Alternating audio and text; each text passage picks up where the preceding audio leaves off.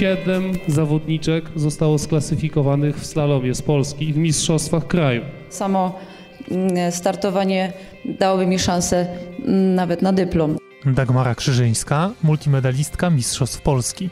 Nie dziwię się tej młodzieży. No, tych pokus jest obecnie dużo więcej. To jedyne, co was do tego utrzyma, jest pasja. Musicie to kochać. Musicie lubić każdy skręt. Teresa Trytikowa była reprezentantka Czech w narciarstwie alpejskim. I tego brakuje u dzieci. Czy my w ogóle mamy prawo oczekiwać od, e, od e, naszych zawodników, że oni osiągną pu, po, poziom Pucharu Świata? Przecież Polska jest krajem wybitnie nizinnym. Redaktor naczelny magazynu NTN Snow More Tomasz Kurdziel. Ludzie z wielkich ośrodków miejskich, którzy odnieśli sukces w Pucharze Świata, to takich ludzi było dwoje. Katia Seitzinger i Alberto Tomba.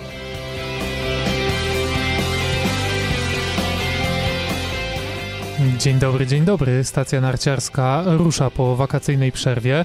Rusza też alpejski Puchar Świata, niedługo inauguracyjne zawody w Zölden. Myślę, że to idealny moment, aby przypomnieć sobie, jak wygląda stan polskiego narciarstwa. Zapraszam do wysłuchania pierwszego odcinka w tym sezonie. Drodzy Państwo, zaczniemy teraz ostatnią rozmowę tego wieczoru. E, Dwie znakomite zawodniczki są z nami na testach, Teresa i Dagmara. I zacznę tak może od razu z grubej rury. Nawiążę do imprezy, która odbyła się niedawno, czyli Mistrzostw Polski. Patrząc na wyniki, właściwie mógłbym zadać y, Tobie, Dagmara, pytanie, dlaczego Ty nie zdobyłaś medalu Mistrzostw Polski? Mam wrażenie, że trenując y, jeden sezon mogłabyś spokojnie y, w slalomie zdobyć medal, ponieważ, drodzy Państwo, siedem zawodniczek zostało sklasyfikowanych w slalomie z Polski w Mistrzostwach kraju. Z czego my mamy wybierać? Dobry wieczór, witam serdecznie. Y, No, bardzo przykra sytuacja. Y, Już ją, y, jako że żyję cały czas y, jestem w tym sporcie, choć już nie startuję, ale cały czas y, obserwuję, co się dzieje i, i y, w naszym kraju, jeśli chodzi o nasze narciarstwo. I tak jak y, y, mówi Michał, ta sytuacja nie wygląda dobrze i siedem zawodniczek e, podczas Mistrzostw Polski e, w Szczyrku w tym roku. E, No jest to smutna sytuacja. Ja nie chcę mówić, czy ja gdybym ja wystartowała, czy bym zdobyła medal, bo, bo doskonale wiem, bo też trenowałam, byłam zawodnikiem dość długo, zawodniczką, więc wiem, że e, to przygotowanie moje fizyczne nie jest zbyt teraz już dobre i na pewno bym tego medalu nie zdobyła, ale samo startowanie dałoby mi szansę mm, nawet na dyplom, także no jest to przykre. Dziewczyny, ale jak za waszych czasów y, było? Jak wy startowałyście? No, zdarzały się sytuacje, że w Mistrzostwach Kraju było y, siedem zawodniczek z, z danego kraju klasyfikowanych? No, e, dzień dobry. Ja będę mówić, e, jeżeli nie będziecie rozumieć, to pytajcie. Będę próbować rozmawiać trochę po polsku. I jeżeli mogę, to ze strony e, czeskiego narciarstwa, bo do tego polskiego e, niechętnie bym się wtrącała, jak, jak mówicie. E, Z czeskiej strony zawsze było bardzo dużo zawodników na starcie, ponad 140. Musiał się zawodnik kwalifikować na Mistrzostwa Czech. Oczywiście ta tendencja też jest taka spadkowa. Na razie jest na około 80-90 zawodników w kategorii. I no, myślę, że co się dotyczy e, poziomu narciarstwa, czeskiego też wszystko w całej Europie idzie, idzie w dół. E, może jest to pytanie dla wszystkich, e, na które, na które możemy jakby mm, e, przemyśleć ten temat, dlaczego tak, e, tak się dzieje. A nasze indywidualne wyniki, które, które może zauważyliście na Olimpiadzie, Ester Ledecka, wcześniej e, Szarka Strachowa albo Ondra Bank, e, Krzysztof Kryzel, który teraz e, ma kontuzję i, i nie pojechał na igrzyska, no to wszystko indywidualne, indywidualne wyniki każdego pojedynczego zawodnika i jego prywatnego teamu. Także to każdy, e, już jestem w Polsce 3,5 lata i właśnie co no, ze Związku Narciarskiego, Polskiego i tak dalej, wszyscy pytają, jak to robimy. I muszę powiedzieć zawsze, no przepraszam, chyba nie, nie odpowiem tak, jak e, oczekujecie, ale tak, tak jest, no. że nie ma systemu, tak to skrócę bardzo. I po prostu chodzi o to, czy naprawdę ten zawodnik jest talentowany, naprawdę tego bardzo dużo chce i ma e, szczęście, może, może dobrą grupę naokoło siebie ludzi, którzy mu dają wsparcie i zrobią dobrą, profesjonalną grupę, która swoją wytrzymałością to nie jest za rok, za dwa lata, za trzy lata. To, to są wszystko wyniki pracy, na przykład 10 lat. e, No i potem szczęście, że się uda. A- Ledeckiej się udało. Ledeckiej się udało. No, też jej gratuluję bardzo i, i zazdroszczę. Czyli wynika e, z swojego, e, swojej wypowiedzi Teresa, że e, e, zarówno w Czechach, jak i w Polsce nie ma systemu, tylko Czesi są nieco bardziej wytrwali. E, No, nie wiem, czy moż, mogę być e, tutaj szczera, bo ja taka jestem, także kto się obrazi, to przepraszam. Ale no mówię, współpracowałam z Dagmarą, dzięki Dagmarze w ogóle przyjechałam do Warszawy, do, do WKN-u, e, klubu narciarskiego, gdzie współpracowałam, pomagałam.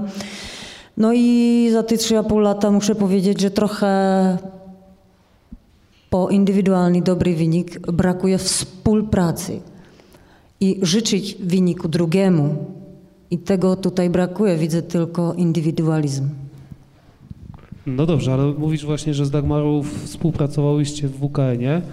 Patrząc na kluby, na to narciarstwo dziecięce, tam jest mnóstwo zawodników, zawodniczek, które ścigają się e, na tym poziomie e, we wczesnych latach, w młodzieńczych latach.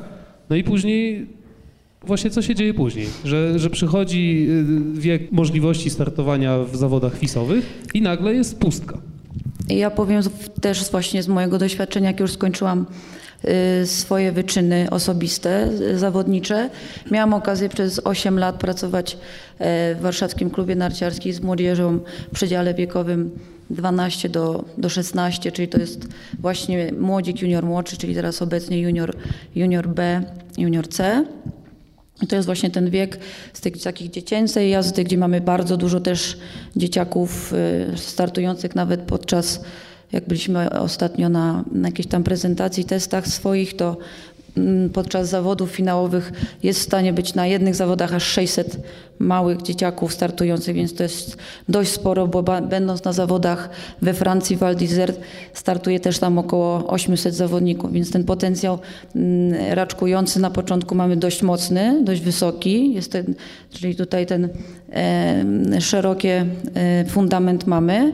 Natomiast y, pracując właśnie w UKN-ie przez 8 lat, y, też miałam szczęście, bo trafiłam na y, fajne dzieciaki, też od, co jest bardzo ważne, od fajnych rodziców, którzy też, e, no też mają w głowie po, fajnie to poukładane, co, y, co chcą robić z tymi dziećmi, w jakim kierunku chcą iść i też łatwiej mi się wtedy z takim rodzicem współpracuje, tak? Między ta współpraca trener, e, rodzic jest też bardzo ważna i ta współpraca też rodzic-dziecko jest bardzo ważna i ten trójkąt się de facto tutaj bardzo ładnie łączy i zamyka, po czym ym, Miałam fajną grupę, fajne wyniki i krajowe, i międzynarodowe, bo dzieci też mają swoje zawody, takie, bym to nazwała takim mini pucharem świata, gdzie te właśnie dzieci spotykają się na międzynarodowych zawodach, właśnie w Żiczkach, w Ratnej, to Polino, e, właśnie Val d'Isère. E, I to są takie, mm, takie pierwsze zawody e, i przetarcia wszystkich dzieci z całego świata. I de facto potem oni się wszyscy spotykają już w etapie dorosłym, czyli jak już wchodzimy w FISy e, i w dorosłe narciarstwo, takie już poważniejsze, gdzie mamy Mistrzostwa Świata Juniorów, potem mamy Mistrzostwa Świata, potem Igrzyska Olimpijskie. De facto Mówiąc też o własnym przykładzie, miałam ten, ten, ten, tą okazję, gdzie właśnie od takiego małego brzdąca jeździłam i właśnie jeździła ze mną, bo jest moją rówieśniczką Ania Persson. Mam nadzieję, że większość z, nas, z Was zna tą osobę. Wyśmienita, rewelacyjna szwedzka narciarka i na takich właśnie zawodach, tych to Polino, Val d'Isère, Życzki, Abetone, zresztą z Janicą Kostelisz tak samo, żeśmy się spotykały i potem etapowo, o czym właśnie mówimy, wchodziłam z nimi razem na Mistrzostwa Świata, Puchary Europy, Igrzyska Olimpijskie. Ja nie mam medalu, one mają medal, każdy kończy na swoim po jakimś tam poziomie sportowym, ale ten etap cały czas szedł do góry i ja rosłam razem, e, razem z, tym, e, z tym rozwojem sportowym, razem z nimi. I tutaj miałam właśnie taką sytuację, że miałam bardzo fajną grupę, też takie międzynarodowe wyniki tych młodych dzieci. I de facto one, te dzieci miały 15 lat i było pytanie treneru, taką miałam ksywkę, e, co dalej? I od rodziców i od tych dzieci, dzieci, no już młodzieży 15-letnich, 16-letnich, które wchodzą do, do właśnie międzynarodowych zawodów FIS, czyli tam, gdzie już tam, gdzie dopiero zaczynamy prawdziwą pracę, tak? Tutaj jest na razie ściganie młodzieżowe, dziecięce. A w Polsce niestety na tym etapie się już wszystko kończy.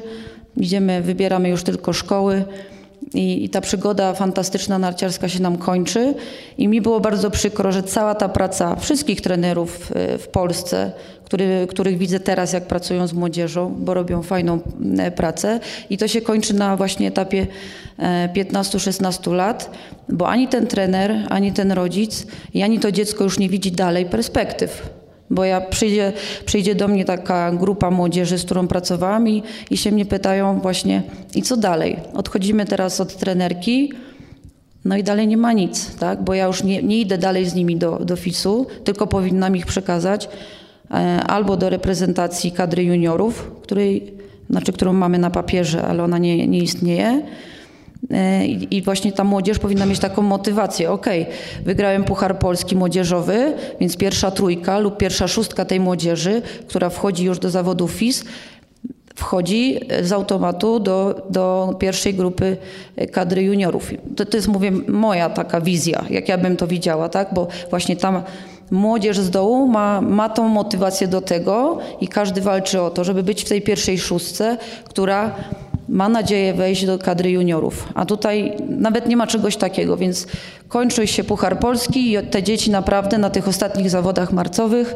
żegnają się między sobą i to jest ostatni raz, kiedy się widzą i potem widzą się na Wintercupach i na zawodach studenckich po czterech latach. Ale to już jest za późno, żeby rozpocząć dalsze ściganie, bo te cztery lata między 16 a 19 rokiem życia to już jest przepaść na świecie.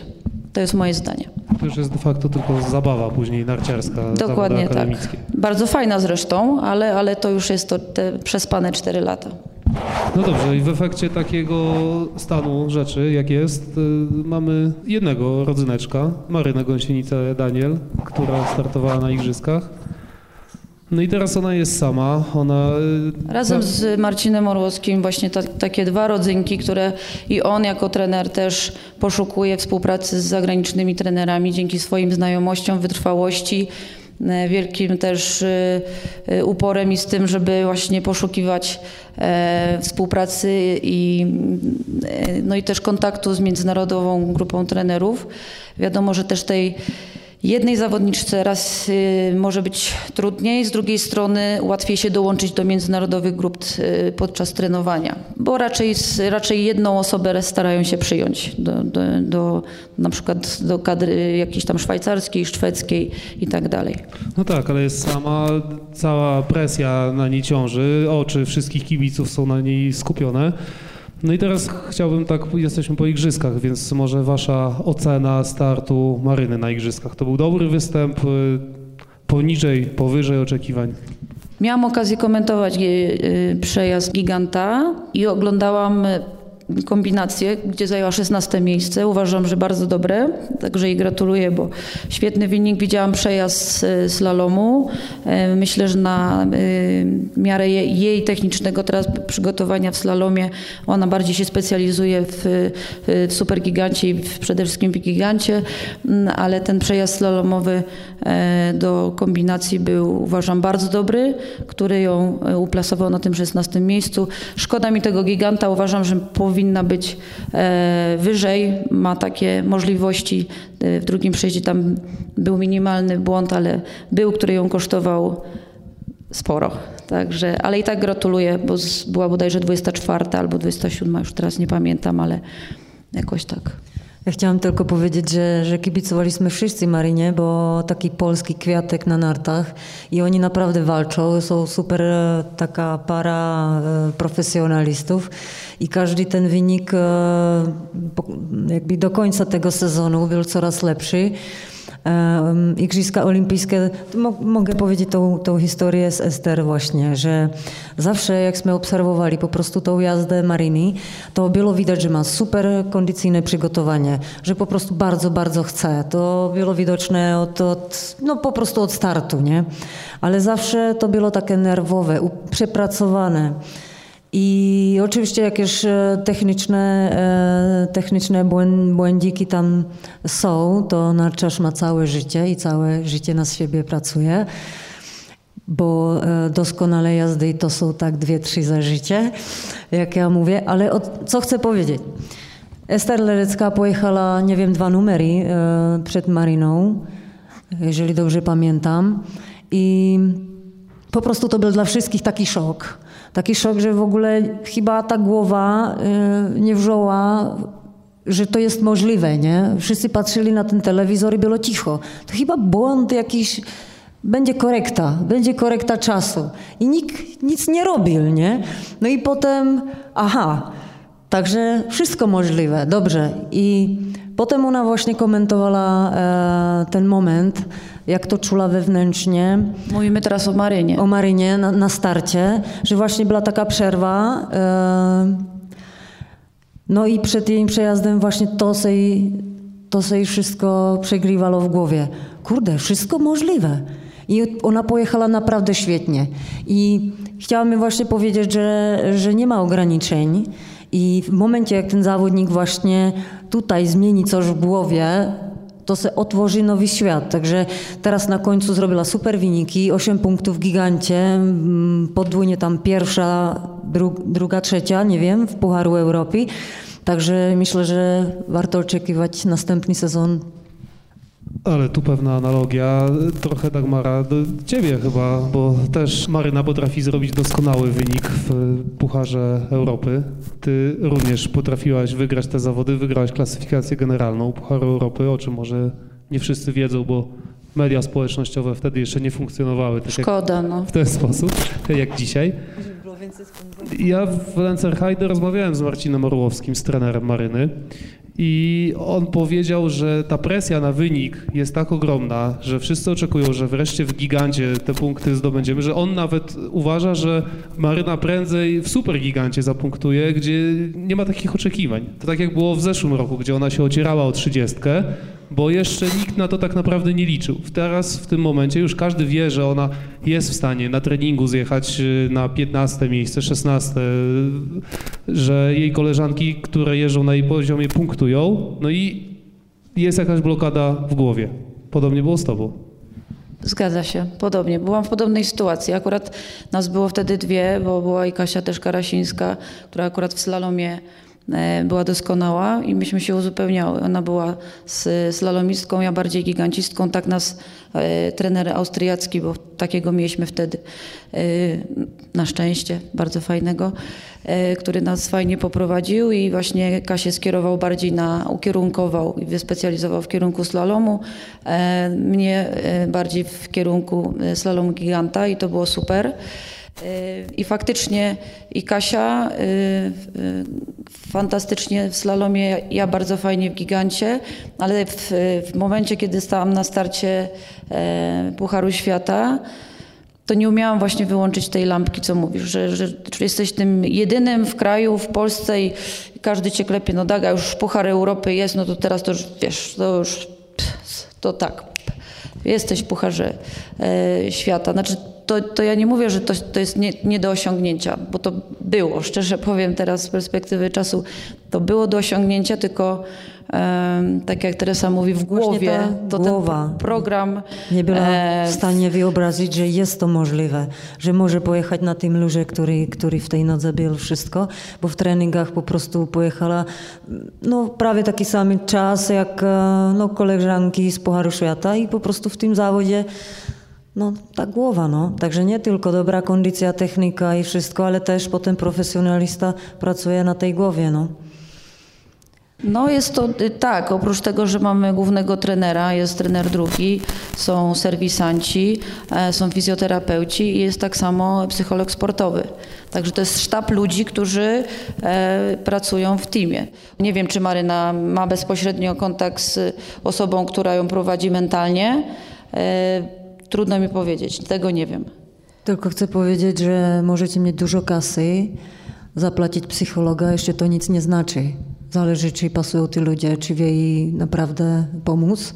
I też myślę, że tak ze swojego doświadczenia, że zależy jak moralnie i jest jakby ta osoba rośnie wewnętrznie i jak mądrzeje, czy przyjmuje, czy jest otwarta i tak dalej. To jest dużo jakby dokupy. No, ale takie problemy się zdarzają też. Michał Kusak, jak jedzie na zawody szybkościowe, zamiast skupić się na, na przejeździe zjazdu, on ma tam gdzieś z tyłu głowy to, że muszą zwolnić apartament, y, tego typu historie, tak? które w ogóle w profesjonalnym sporcie nie powinny się zdarzać, ale tak, tak to u nas wygląda. Bo dużo ludzi czasem tak się spotykam z takimi e, pytaniami. O, wasze życie było super, wszystko załatwione, pieniądze, jeździć sobie po górach. I teraz naprawdę powiem, jak, e, jak było w Czechach i do tej pory jest. E, może jest teraz lepiej, nie mówię, że nie jest. Od e, zwycięstwa Szarki Zacharubskiej, Strachowej, jakby mistrzyni świata, trochę się oczywiście zmieniło ale właśnie dzięki warunkom, które nie byli w Czechach, spotkałam polski w ogóle tym narodowi na Hintertuksie, bo przyjechałam swoim samochodem z bazaru, jak się powie bazar, z Gildi. Trenowałam pod swoim osobistym treningowym planem. Robiłam sobie jedzenie, robiłam sobie serwis nart, kierowałam, organizowałam sobie kompletnie wszystko, ale już naprawdę, jakby, jak ja mówię, teraz trochę śmiesznie, e, mamy tylko jedną dupę. I ta dupka powinna usiąść na jedno krzeselko, nie na więcej, bo potem się człowiek zmęczy i nie robi nic dobrze. I skończy to źle. W narciarstwie na pewno jakimś wypadkiem, kontuzją i tak dalej, bo, ciało albo psychika jest zmęczona. I dzięki temu właśnie przyjechałam tak w roku, nie wiem, tam raz, dwa, trzy, przyjechałam na Intertux i tak patrzę, mówię, tak, chyba kogo dzisiaj zapytam, w którym tym gigancie mogę potrenować, nie? No dobra, tutaj już pytałam, już jeździłam. No, polski team jeszcze nie próbowałam. No, taki bliski naród, spróbujemy. No i właśnie dzięki temu z, e, oczywiście powiedzieli tak. E, współpraca se ciągła trzy lata, gdzie mnie zaprosili też mm, po zawodach w Skandynawii i tak dalej.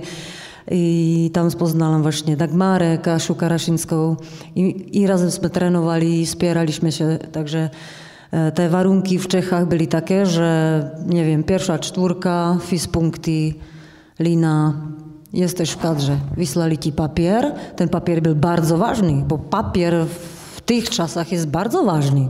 On dużo znaczy, bo mogę dostać sprzęt na przykład darmowo z fabryki. Jeżeli kiedyś był bardzo ważny papier, to w tych czasach już, na przykład jeżeli rozmawiamy o zawodniku Bębenkowi, też był w kadrze, ale już to nie znaczy, że będzie mieć sprzęt, bo dzisiaj już się to liczy od e, poziomu, e, jak się to powie, e, FIS punktów i, i rankingu Pucharu Świata albo rankingu światowego FIS punktów.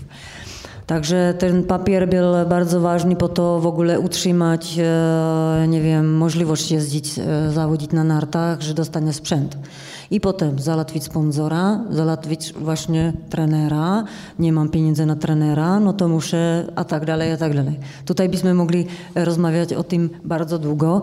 I ja zawsze zazdrościłam właśnie e, grupie polskiej, bo mieli takie szczęście, że właśnie pan Karaszyński no, był taki, e, taki dobry, że oczywiście miał kasę, ale z drugiej strony nie dał tą kasę tylko swojej córce, ale właśnie wspierał cały team.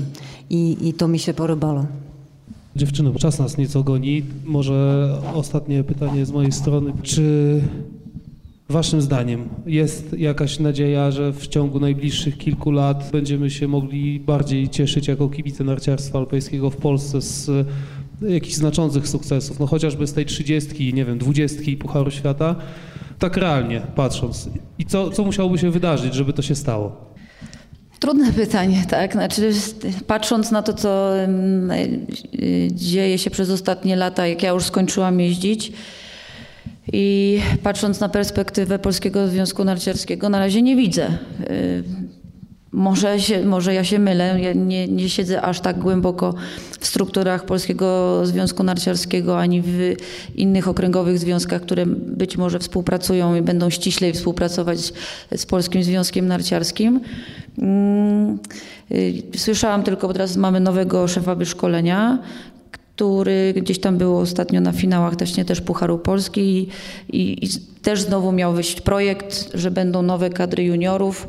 E, Zresztą też mnie pytał, czy, czy dalej będę z dystrybucji Elana, czy, czy, czy jestem zainteresowana, ale Taki projekt już był, miały być na to pieniądze, nie było i teraz podobny projekt znowu ma być, że właśnie ta młodzieżowa grupa ma powstać, która ma gonić czy podgryzać e, seniorów. Nie mamy ich wielu, ale, ale, ale załóżmy, gdyby ten projekt powstał, no to dałoby to nam nadzieję właśnie na to, że ta młodzież, której mamy dość sporo, będzie miała właśnie tą motywację do wejścia do kadr juniorów, jak, jak one będą wielkie, nie wiem na tą chwilę, ale gdyby właśnie była taka perspektywa.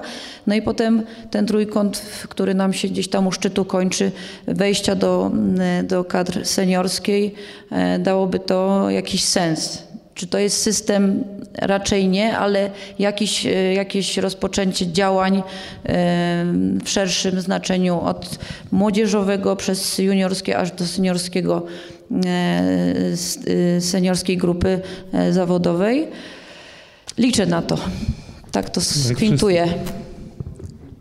E, Słuchajcie, jeszcze taka sprawa, bo czy my w ogóle mamy prawo oczekiwać od, e, od e, naszych zawodników, że oni osiągną pu, po, poziom Pucharu Świata? Przecież Polska jest krajem wybitnie nizinnym, gdzie góry zajmują mniej więcej 2% powierzchni kraju. Więc teraz tak zastanowiwszy się nad tym, to w zasadzie nie powinniśmy mieć jakichś wielkich nadziei na wybitnych Alpejczyków. Z drugiej strony w Polsce tradycje narciarskie są bardzo naprawdę stare i bardzo, i bardzo głębokie. Te, e, to narciarstwo było zawsze taką, takim e, powszechnym sportem w Polsce, który uprawiało bardzo wielu ludzi, również przed wojną, w czasach powojennych. W tej, w tej chwili prawdopodobnie, bo różne są na ten temat statystyki, narciarstwo alpejskie uprawiane jest przez 4 miliony ludzi, ale zadziwiająco e, te wszystkie dzieciaki, które jeżdżą na zawody i e, które e, ścigają się w różnych ligach, międzynarodowych ligach juniorskich, to są dzieci w większości wypadków z dużych ośrodków miejskich. Historia Pucharu Świata pokazuje, że ludzie z wielkich ośrodków miejskich, którzy odnieśli sukces w Pucharze Świata, to takich ludzi było dwoje. Katia Seitzinger i Alberto Tomba. Cała reszta to są ludzie, którzy pochodzą z takich wiosek jak Feichten. Bo oni po szkole idą sobie po prostu pojeździć na narty, bo nie mają nic innego do roboty. Więc czy, tu pytanie teraz do Dagmary bardziej, no bo zna to środowisko bardziej i sama prowadziła takie treningi. Czy my możemy oczekiwać sukcesu bazując na dzieciach z dużych ośrodków miejskich? Y, Patrząc y, y, z pe- z perspektywy trenera, który właśnie pracował z dziećmi z, z warszawskiego klubu narciarskiego, mm, na pewno tutaj przewagą jest to, że w dużych aglomeracjach rodzice, przynajmniej tych dzieci, których ja prowadziłam, mieli na to finanse dość spore, żeby żeby tam te dzieci mogły trenować, bo jak wiemy, ten sport nie jest tanim sportem, bo jeszcze nie zaczniemy trenować, a, a już musimy się ubrać za naście tysięcy złotych. Natomiast y, ja też pochodzę z małej miejscowości, tak? Bo ja e, jestem e, jeleniogórzanką, a de facto cała moja rodzina jest z więc całe moje życie, y, dorastanie, uprawianie tego sportu jest y, właśnie odbywało się w Karkonoszach, w Karpaczu, w Szklarskiej Porębie, więc jestem stamtąd. I de facto, tak jak właśnie Tomek mówisz, e, ja kończyłam szkołę i, i zapinałam narty. No taka, tak, taka, tak, to, tak to wyglądało. Ale de facto Zakopane, które ma ogromną tak samo tradycję i, i też e, wielką historię i wielu zawodników, też tak przecież może działać, tak? Przecież to jest ogromna historia. Zakopane, no to taka nasza Mekka, e, gdzie tak samo były szkoły mistrzostwa sportowego, czy są, ale jakoś tam, no przykro mi mówić, że nie widać jakiejś tam e, współpracy trenerów ze szkołą, żeby to funkcjonowało, że dziecko idzie do szkoły, kończy, idzie na ten trening. Wiem, że to funkcjonowało. Czy to teraz funkcjonuje, nie wiem, bo, bo nie jestem w Zakopanym i, i nie działam tam, więc trudno mi jest powiedzieć. Natomiast tak jak Tomek mówi, e, czy to tylko wynika z tego, że, że teraz tylko z dużych miast mają ludzie pieniądze i na to ich stać, żeby to uprawiali? Patrząc po, po klubach narciarskich, e, które wygrywają w ligach e, naszych czy, czy też i w Pucharach Polski. Wygląda, że tak, aczkolwiek ta praca wykonana przez te kluby z Zakopanego, zresztą z Krakowa, nie da, już najbliżej gór chyba jak się da, jeśli chodzi o duże aglomeracje, więc jest szansa na to, że że nie trzeba być tylko z małej miejscowości, uważam, ale to jest, co powiedziała Teresa, co uważam bardzo ważne, to jest ta wytrwałość. To jest właśnie to, czego tutaj nam brakuje, a z drugiej strony nie dziwię się tej młodzieży. No, tych pokus jest obecnie dużo więcej. Y, i dużo innych y, fajnych rzeczy może ta młodzież robić, aczkolwiek jak już widzę, że ta młodzież zabrała tego bakcyla narciarskiego i go ma w sobie, bo jest dużo tej młodzieży, która faktycznie e, ma z tego dużą frajdę, e, żeby ten, ten, ten, sport uprawiać, no ale potem brakuje tej ostatniej e, wisienki na torcie, tej na końcu właśnie tej motywacji już w tym ostatnim momencie, no co dalej, co ja mam dalej robić. No, i, to się właśnie kończy. I to już dla mnie w tym momencie, niezależnie od tego, na tym etapie, czy to już jest y, mała miejscowość, czy duża miejscowość. E, oczywiście rodzic, jeżeli ma na to pieniądze, bo to jest też bardzo ważne, e, bo trudno, żeby w tym sporcie na polskim, e, w Polsce uprawiać bez, bez pieniędzy. No tak umówmy się, taka jest prawda, szczera prawda, żeby uprawiać tą dyscyplinę no to trzeba mieć i y, duże pieniądze, i które, które w dużej mierze sponsorują i finansują rodzice praktycznie do końca, przynajmniej na razie. Ja czy mogę trochę pozytywnie. E, już wszyscy spiemy, także, tak, kończymy. także kończymy. Ale pozytywnie, chcę to zakończyć e, pozytywnie, w, e, bo jedno tego zaczęło w ostatnich latach brakować. Ogólnie myślę, że na świecie, w świecie narciarskim. I to jest, oczywiście kosztuje to. Z drugiej strony to jedyne, co was do tego utrzyma jest pasja. Musicie to kochać. Musicie lubić każdy skręt. I tego brakuje u dzieci bo za wcześnie idzie o wyniki. Gdzie jest ta radość po prostu z luźnej jazdy we wszystkich terenach? Gdzie jest ta radość wspólnoty, którą przeżywamy każdy dzień w tym treningu, w tej grupie? Gdzie jest wychowanie moralne? I to właśnie ma bardzo ważną, jak to mam powiedzieć, to jest bardzo ważne, po prostu z tego będzie to dziecko korzystać całe życie. Dziękujemy bardzo Teresie i Dagmarze. Również dziękujemy panowie. Dzięki. I zapraszamy na prywatne kontynuowanie dyskusji.